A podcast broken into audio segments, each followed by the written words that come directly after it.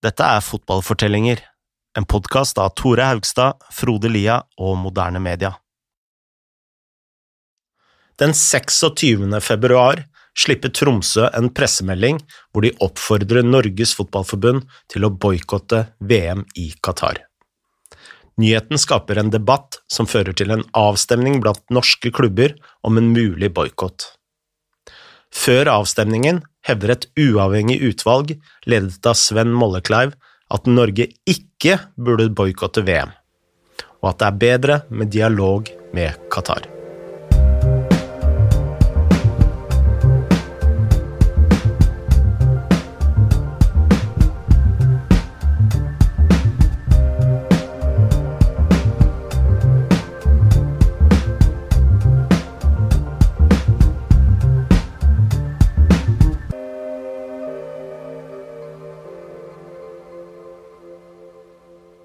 Dette blir en litt annerledes episode enn eh, de andre i denne sesongen, og årsaken til det er at jeg selv har vært uh, veldig involvert i uh, debatten og saken. Mm. Men vi kan jo kanskje begynne med det hele med hvordan det starta. Ja. I februar 2021 så kom Tromsø ut og sa at Norge burde boikotte VM i Qatar. Dette ble en nyhet over ikke bare i hele Norge, men over hele verden, at en liksom, fotballklubb kom ut og sa dette. Og det førte til en intens debatt i resten av Norge, hvor stadig flere klubber selv tok stilling til om Norge burde delta i VM. Så kom forslaget om å ta denne debatten opp på det ordinære fotballtinget i mars. Så ble det satt opp et ekstraordinært ting i juni, hvor fotballklubbene skulle stemme over boikotten.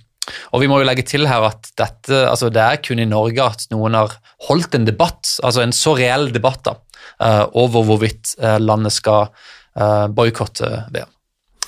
Vi kan jo snakke litt om partene i denne debatten, fordi dette var jo en slags grasrotbevegelse men én eh, part som var eh, veldig viktig, og kanskje en pådriver, i tillegg til Tromsø, var jo Norsk supporterallianse. Og eh, det at veldig mange supportere også var medlem i ulike breddeklubber, eller fikk med seg årsmøter i større klubber, var nok ganske avgjørende for at eh, denne debatten nådde helt et uh, idrettsting, eller fotballting. Mm. Kan du si noe om altså Dette er de som vil liksom kjempe for uh, boikotten, da. Også på andre sida, da, så har det vel hovedsakelig NFF? Ja, og NFF består jo av flere de deler. Og i denne saken her så oppleves det jo som at det er administrasjonen sentralt på Ullevål som har vært en pådriver på nei til boikott-siden. Og man eh, så jo ma mange rapporter om hvordan administrasjonen sentralt pressa kretsene og klubbene til å stemme mot en boikott. Så administrasjonen eh, ansatt på Ullevål var en eh, veldig viktig part i hele den debatten. Vi kan jo gå videre med hva som skjedde uh, etter at uh, dette liksom ble booka inn på det ekstraordinære tinget i juni. Um, NFF satte opp et utvalg på 14 personer som skulle levere en uavhengig rapport på hvorvidt NFF og da Norge burde boikotte VM eller ikke. Denne rapporten ble ledet av Sven Mollekleiv, og for de som ikke hadde hørt om han før denne debatten tok sted, um, er det mulig å si litt om, om hvem han er? Ja, altså Han jobba tidligere i markedsavdelingen i NFF, og han har vel jobba seg opp i gradene uh, i ulike organisasjoner, som f.eks. Røde Kors, som har gitt han veldig mye kredibilitet. da. Eh, han har jo også uh, vært leder for etisk utvalg i Norges Fotballforbund, så han har jo også en lang erfaring med, med forbundet og uh, fotballen. Er det noe å si om selve utvalget, altså de 14 personene som ble satt til å, å skrive denne rapporten? Av de 14 så var det kun tre som i utgangspunktet var for en boikott. Så sånn sett så var utvalget skjevt sammensatt. Den rapporten uh, kom ut da, uh, offentlig på, på fotball.no, ligger der ennå og kan leses av alle. og Det er jo en, en, en, grundig rapport som tar for seg hele historikken i, i Qatar og hva som har skjedd med menneskerettigheter der. Uh, siterer mange, eller ikke siterer, men refererer til mange uavhengige arbeidsorganisasjoner og, og menneskerettighetsorganisasjoner, og dekker vel egentlig de aller, aller fleste aspektene av, av saken. Um, hva vil du si om, om, rapporten og det den sa? Nei, altså det er som du sier, rapporten er grundig, og uh, den, den, historiske beskrivelsen av Qatar og forholdene til fremmedarbeiderne er nokså presis. Der uenigheten uh, kommer med tanke på rapporten av de ulike sidene, er jo både konklusjonene og hvilke, særlig hvilke kilder man eh, legger veldig vekt på. Uh, Sven Mollekleiv og utvalget la f.eks. veldig stor vekt på intervjuene de hadde hatt med ILO, altså International Labour Organization, og det skal vi komme litt mer tilbake til senere. Uh, og det er jo der, der vi som har vært på boikottsiden har vært kritiske mot utvalget. I tillegg til en del konklusjoner som, som mange beskriver som naive. Mm. For det er liksom, det er bred enighet om, her om at mange av altså, forholdene til arbeiderne i Qatar ikke har vært gode nok. Uh, og så er det sånn gråsone her hvor liksom noe har endra seg. Uh, vi snakka med uh, Nicholas McGean før om at liksom, ting har endra seg veldig mye på papiret, men ikke my særlig mye i praksis. og han sa jo til oss at det nesten var akkurat likt for arbeiderne nå som helt i starten, da, da VM ble gitt til Qatar. og så er det liksom siterer liksom rapporten forbedringer, men liksom hvor store er forbedringene? Sant? Er de mm. liksom helt, helt, små detaljer, eller har det liksom vært betydelige um, fremganger, og er den fremgangen så stor at Norge kan forsvare å bli med? Uh, og så har de jo selve konklusjonen da, om at boikott ikke er veien å gå. Den setninga som kanskje best oppsummerer rapporten, er et flertall i utvalget mener dialog med klare krav er den mest effektive virkemidlet for å lykkes med varige endringer både i Qatar og Fifa. Um, bare kort før vi går videre, er, er, ikke dette litt sånn naivt? Jo, jeg mener jo at dette er veldig naivt. Uh, og skal jo sies at jeg har dekket denne saken siden 2010. Uh, og, og, vi hadde vår første journalist da jeg var redaktør i Josmar på bakken i Qatar allerede i 2014-2015. Og det som eh, slår en når man eh, besøker Qatar og eller intervjuer folk i VM-delegasjonen og i styre og stell i Qatar, det er at de vil ikke ha endring, og at de bryr seg ikke døyten om hva vi i Vesten mener. Og alt de prøver å, å, å gjøre av forbedringer, eh, er som de kaller et spinn. De, for, de forsøker å please eh, Vesten med, eh, med falske nyheter, for å bruke et sånt uttrykk, enn reelle endringer. Og det har også noe med å gjøre hvordan Qatar som samfunn er skrudd sammen. Man tror jo at det er som i Saudi-Arabia, hvor det er en mektig emir som kontrollerer alt. Men det som er realiteten, er at uh, Qatar i realiteten er et uh, teknokrati. Altså det er de eh, lokale næringslivseierne og de større bedriftseierne som de facto styrer Qatar. Og de vil ikke ha endring, fordi det vil jo gå utover deres økonomiske situasjon. Det å gi arbeiderne høyere lønning vil jo også medføre at de tjener mindre penger. Så de vil i realiteten ikke ha noe endring overhodet. Mm. Vi uh, nevnte ILO her uh, for litt siden. Um, dette er altså en av kildene, eller en av organisasjonene som rapporten siterer sammen med de typiske Amnesty International, Human Rights Watch osv. Men ILO er jo ikke en, en som frivillig organisasjon som ser på menneskerettigheter. Det er, mer, uh, altså det er jo den internasjonale arbeidsorganisasjonen som er litt annerledes. Um, og denne fremstår jo som en helt uavhengig organisasjon, uh, og det er den jo i utgangspunktet, men akkurat når det kommer til Qatar, så er jo ikke dette helt tilfellet. Nei, det som er det spesielle her, er at Qatar finansierer hele ILOs uh, arbeid i Qatar, pluss mye, mye mer. De mottar hele 24 millioner dollar over en treårsperiode, og det er en vanvittig sum til ILO å være. Eh, og det man ser, er at veldig mange av de opplysningene som ILO kommer med, kan ikke bekreftes av organisasjoner som Amnesty og Fair Square og Human Rights Watch. Eh, men det man også ser, det er at de uh, uttalelsene som kommer fra ILO, blir hyppig brukt i propagandaen Jeg bruker et ord som propaganda, jeg. av både Fifa og Qatar. Så når president i Fifa, Infantino, blir spurt om Qatar, så kan han referere til ILO og si at de har gjort enorme fremskritt med tanke på menneskerettigheter og vilkårene for migrantarbeiderne. Mm. Dette med ILO er også noe som Nicholas McGeehan har fulgt veldig tett, og noe han kan veldig mye om. Ehm, vi spurte han om flere detaljer rundt avtalen mellom ILO og Qatar. So the well, the ILO is the ILO is a very credible organization.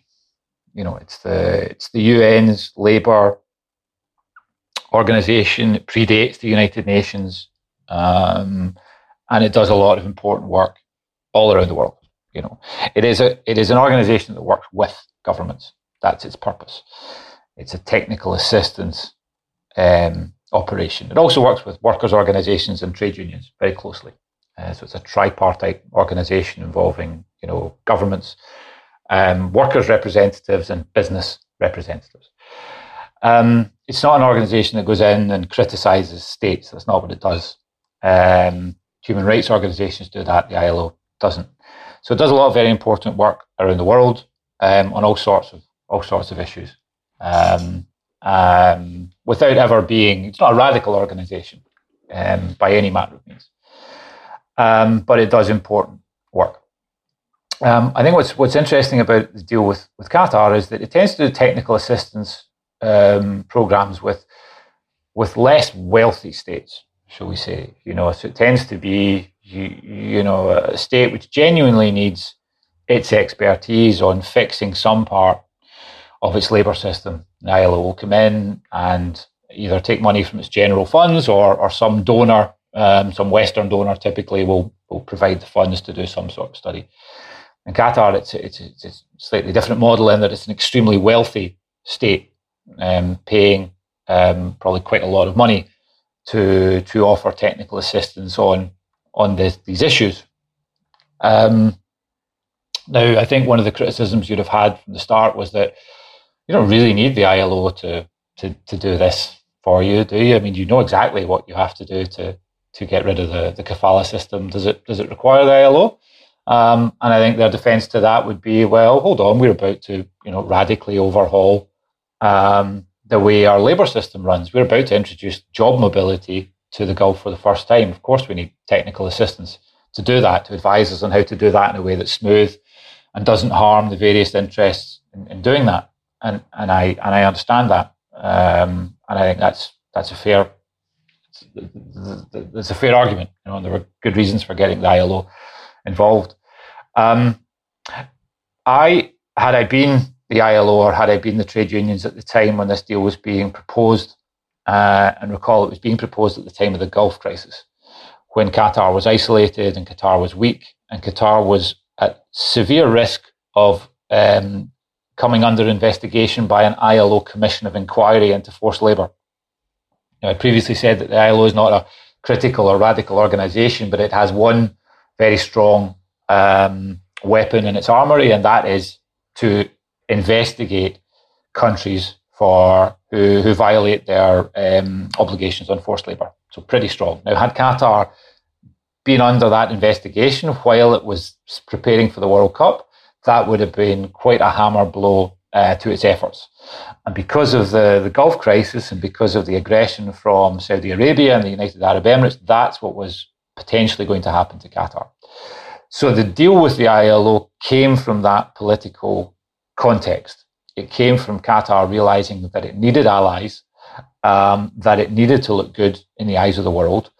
Um, and so it struck this deal with the ILO. Um, I felt, and many NGOs at the time felt, um, I was at I was at Human Rights Watch at the time when this happened. So when I say I, I mean I as a representative of Human Rights Watch. We felt that um, that there was leverage there, and that that leverage should have been more fully exploited, perhaps before the the, the deal was signed. I.e., Qatar had to give some evidence of its seriousness, of its intent to reform before the deal was signed. So I recall we were saying, well, you, you should really push for kafala reform now, yeah, and make that the precondition for this deal, instead of just signing the deal and giving away all your leverage. Um, but that didn't happen. Um, what happened was the deal was signed, um, and ILO became a partner without Qatar making any reforms. And then the ILO is in the position of having to deliver those reforms. Uh, but now, instead of being the organisation that can um, that can call for a commission of inquiry into Qatar, it is an organization that is taking money from Qatar, probably about $20 million over three years. Um, the relationship completely changes at that point. Um, again, it's entirely justified for them to, to, to take that money and to do that work. Um, but what you do is you give away your leverage, and you give away your leverage to push for what needs to happen. Siden ILO og Qatar i praksis er på lag, så var det kanskje ikke så overraskende at ILO gikk ut imot boikott av VM. Dette var en spesiell posisjon å ta for en sånn organisasjon, ifølge McGean.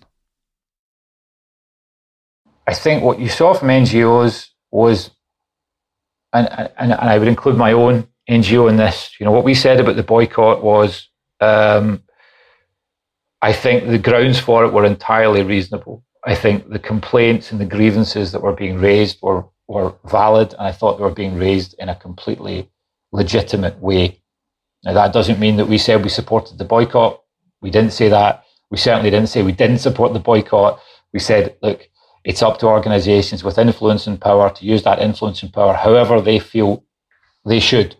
Um, and the Norwegians, in pushing for that boycott, I thought did that very effectively. And I thought it was a very useful call and a useful campaign, um, to be honest, in terms of moving things forward. I think the ILO came out and, and, and said it was um, it was unhelpful and shouldn't happen. So they took a, they took a position, um, as did, I think that some of the trade unions. I don't think I would have agreed with that. I don't think it's their position. You know, for, for a, a non-political organisation, I'm not sure it was um, it was up to them to be to be actually uh, saying that. Um, it's not a position. If I was within the ILO, I would have proposed. Um, I think a, a, position of neutrality would have been far more appropriate for an organisation like that.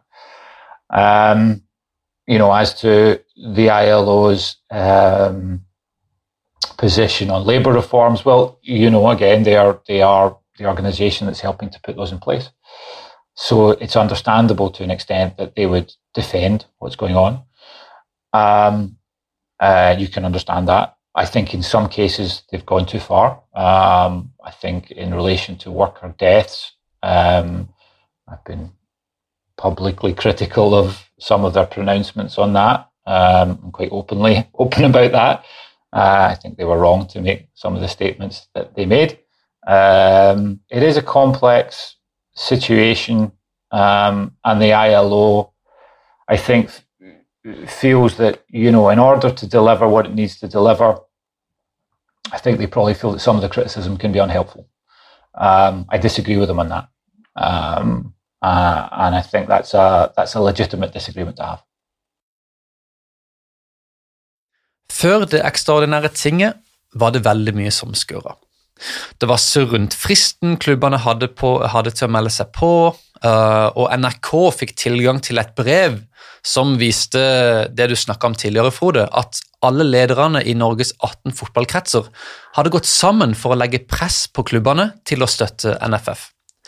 Terje Svendsen, som er president i NFF, forsvarte dette ved å kalle det en vanlig del av den demokratiske prosessen. Men det hørtes jo litt, litt, rart ut, og spesielt når presset kommer fra kretsene som setter reglene for klubbene og konkurransebetingelsene de spiller under. Ja, altså det, det er jo veldig spesielt å lese rapporter om klubber som eh, blir trua med å bli utelatt av uh, dommerkurs, trenerkurs og miste økonomisk støtte fra kretsene hvis det ikke stemmer mot en boikott, det er jo direkte udemokratisk. Eh, så jeg vil jo på mange måter karakterisere hele avstemningen som et slags kupp. Eh, kan jo ikke Altså, når en maktorganisasjon som det både NFF sentralt og kretsene er, eh, bruker sin økonomisk makt og og for øvrig annen makt over klubbene, så er det jo et maktmisbruk. Mm. Før tinget viste en spørreundersøkelse at 50% av nordmenn støtta boikotten, mens 26% var imot. Selv møte, selve møtet på tinget holdt på i flere timer, og eh, du var jo en av de som, eh, som tok ordet der. Ja, jeg tok eh, ordet på tinget, og det var ikke planlagt. Og grunnen til at jeg tok ordet, var at Sven Mollekleiv sa i sin innledning at de hadde lagt ekstra vekt på uh, deres intervjuer med ILO. Han sa det der, ja. Mm. For han, det, det sto ikke i rapporten at liksom ILO var vektlagt ekstra, men uh, når han sier det i, på tinget, så er det jo naturlig å reagere. Ja, og jeg visste jo at ILO ikke var en uhilda organisasjon, og en organisasjon som kom med masse informasjon som ikke stemte. Uh, da følte jeg en plikt til å ta ordet på tinget. Eh, det som skjedde, var at eh, jeg begynte å eh, forklare om realitetene på bakken i Qatar, sånn som Fair Square og Human Rights Watch beskriver. Og jeg ga en beskrivelse av ILO, og jeg syns utvalget og Sven Mollekleiv hadde gjort en veldig dårlig jobb og veldig dårlig research når de bruker en sånn organisasjon som et sannhetsvitne. Men idet jeg dro inn Mollekleiv, så blei jeg faktisk muta. Og da sa ordstyrer at uh, det var ikke nødvendig å komme med personangrep. Men jeg kom jo ikke med personangrep, og jeg kom bare med reell kritikk av å bruke ILO som en uhilda kilde. Og man kan uh, mene hva man vil i boikottspørsmålet. Det syns jeg er helt uh, Det er jo sånn det skal være. Men man må legge fakta til grunn, og da kan man ikke bruke et, uh, en organisasjon som ofte blir brukt i, i, i propaganda, som et slags sannhetsvitne. Og det var jo det jeg reagerte på, og derfor jeg tok eh, ordet. Kan du si litt kjapt om liksom hele systemet bak, bak tinget? Altså, var, var, det sånn at de fikk fem, alle fikk fem minutter hver? Fikk, hvis, hvis, de ville si noe? Alle fikk eh, fem minutter eh, hver hvis de uh, stilte seg opp på uh, talelista. Uh, jeg blei muta to ganger. Først så blei jeg muta fordi ordstyret mente jeg kom med et personangrep. Men da går jo tiden. Eh, så alt det jeg skulle si, var jo innenfor disse fem, fem minuttene. Eh, men i og med at ordstyreren tok så mye av min tid, så gikk jeg også utover de opprinnelige fem minuttene, og da ble jeg også muta, så jeg fikk jo ikke sagt ferdig det jeg skulle si om eh, ILO.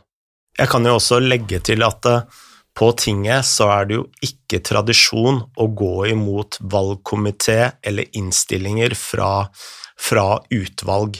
Så hvis eh, utvalget til Sven Mollekleiv hadde endt med noe annet, så hadde vi også sannsynligvis gått eh, for en boikott. Eh, så ja, så det er sjelden man går imot innspill som utvalg kommer med. Vi kan jo gå videre her og si hva resultatet av avstemninga ble. Uh, til slutt så stemte 386 imot boikott, og 121 stemte for. Og Det var jo en ganske klar seier for NFF. Uh, og når jeg leste dette først, så tenkte jeg at ja, det, her er det klubbene som har stemt. Men uh, det er ikke 386 klubber mot 121 klubber, er det det? Nei, uh, kretsene har jo også stemmerett. Det er 18 fotballkretser, og de har én stemme hver seg. Og så har de åtte medlemmene i forbundsstyret også én stemme hver seg. Så de har da eh, rundt regna 26 stemmer eh, i tillegg. Mm. Dermed ble det jo åpenbart ingen boikott for Norge, som uansett ikke nådde VM. Uh, Seinere har jo denne boikotten blitt stilt i et litt annet lys. Uh, altså, Økokrimsjef Pål K. Lønseth har jo f.eks. sagt at Norge burde ha boikotta likevel, og at alle andre land burde gjort det samme.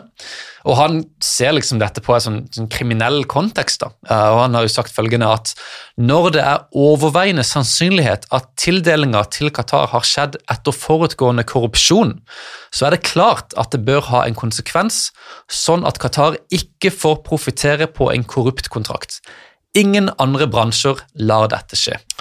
Eh, noe som også har kommet enda klarere frem nå den siste tiden, eh, og dette er ikke overraskende, og det er jo det Amnesty skriver i sine nye rapporter, at eh, ting ikke er bedra overhodet i Qatar.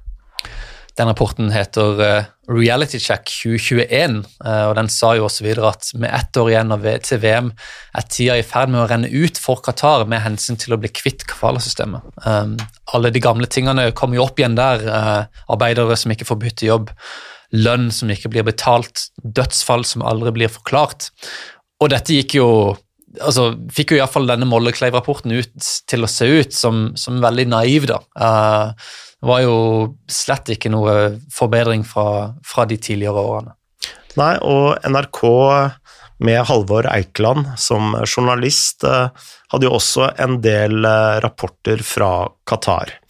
Og han hadde jo selv sett arbeidere som jobba under livsfarlige forhold på Eh, på hva kaller det?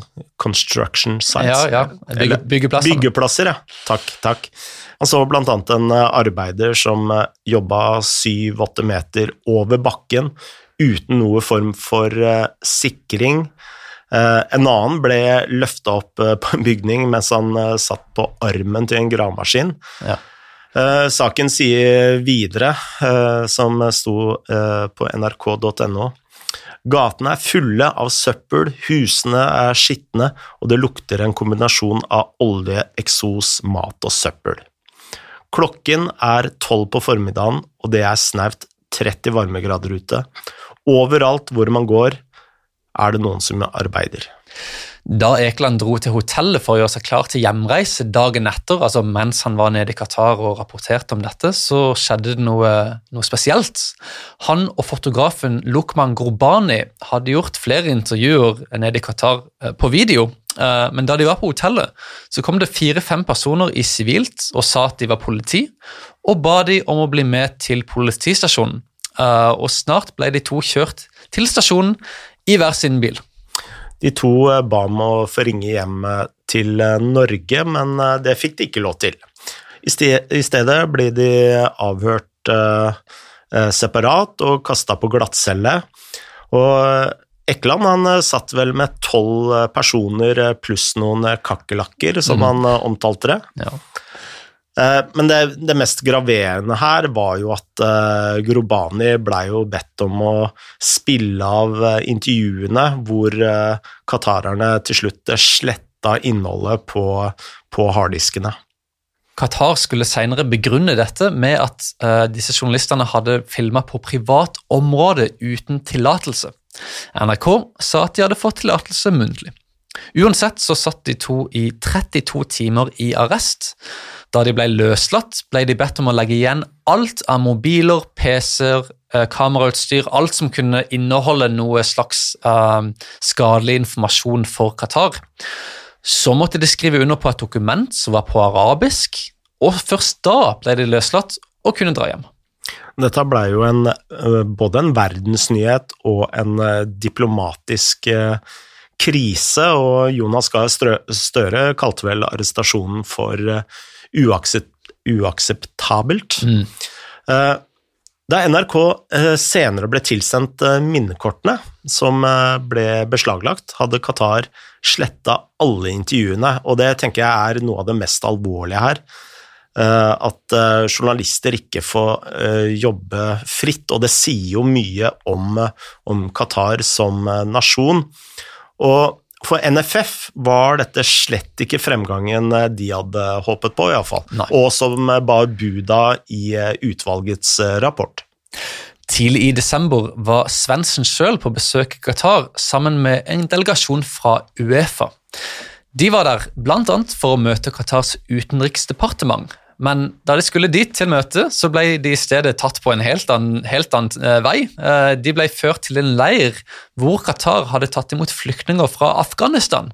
Så alt de fikk se, var liksom hvor flott og mottakelig Qatar var for, for flyktninger. Um, Visstnok skyldes denne lille feilen at dama som organiserte hele opplegget, hadde blitt syk før avreise og ikke fikk sagt ifra hva besøket innebar. Men det høres jo litt rart ut her, og Svendsen fortalte senere NRK at han opplevde hele møtet med Utenriksdepartementet som en PR-tur for Qatar. Men alt dette blekner sammenlignet med det som har skjedd med Abdullah Ibais. Selvsagt, det er ikke behagelig å sitte 32 timer på glattcelle, men det er ikke NRK-journalistene det er synd på. Abdullah Ibais er en eh, veldig modig fyr som eh, turte å forsvare migrantarbeiderne internt i Qatar.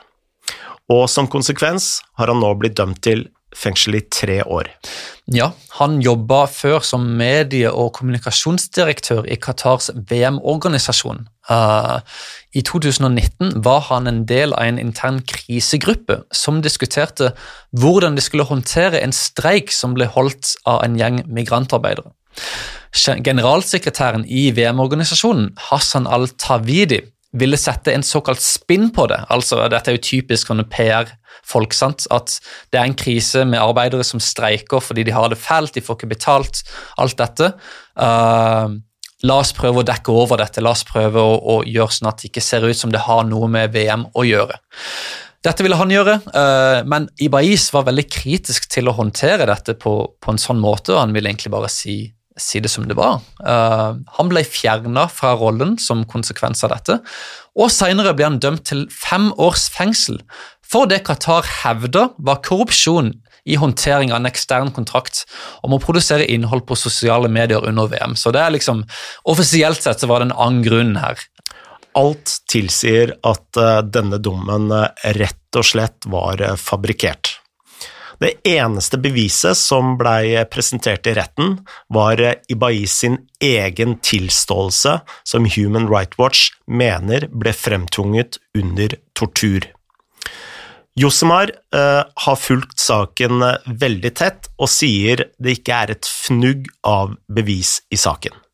Ibais anka selvfølgelig dommen. Uh, I desember ble han arrestert uh, like før han skulle gjøre et intervju med NRK.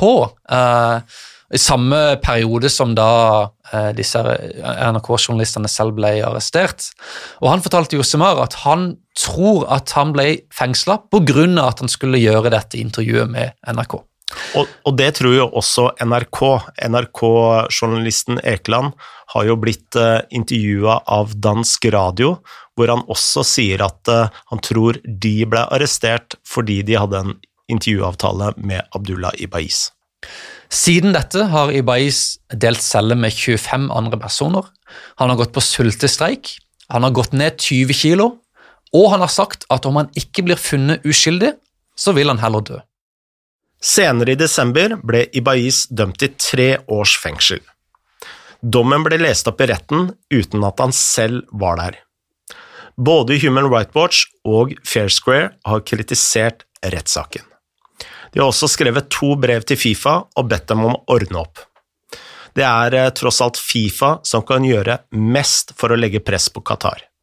Men Fifa ser ikke ut til å ha gjort noen verdens ting. Nei, Fifa var også et veldig viktig element i Mollekleiv-utvalgets anbefaling om å ikke boikotte VM. Uh, det sto veldig mye om at NFF måtte legge press på Fifa, sånn at de kunne legge press på Qatar. Uh, og Det virka jo veldig optimistisk med hensyn til hva slags innflytelse og påvirkning Norge hadde internt i Fifa, til tross for at Norge er en av mer enn 200 medlemsorganisasjoner uh, i, i, Fifa. Um, både NFF og de andre nordiske fotballforbundene har jo også flere ganger skrevet til Fifa med krav om at de legger press på Qatar. Men hvis vi hører litt på det McGean har opplevd med hensyn til Fifa, så eh, er det ikke særlig gode grunner til å være optimistisk. So I, I remember having a meeting with FIFA in Zurich. I think it was um, it was just after I think it was the, the, the winter of 2013 or maybe the winter of 2012. Um, anyway, just as just as the initial criticism of it was 2012, I think, just as the initial criticism was beginning, there'd been a Human Rights Watch report. Um, hadn't got a lot of coverage, but but it was on the agenda. It was on their agenda, and I remember sitting in a room with the head of their sort of sustainability division, and he just threw his hands up and said, "This is nothing to do with us. We have nothing to do with."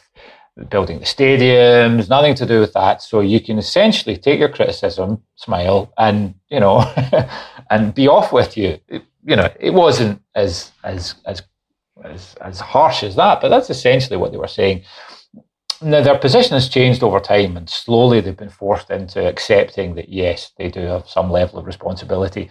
Um, initially, they they started by saying, well, it's just the stadiums, right? So just the stadiums. You know, you set a foot outside that stadium, um, and and you're horrendously abused. Nothing to do with us.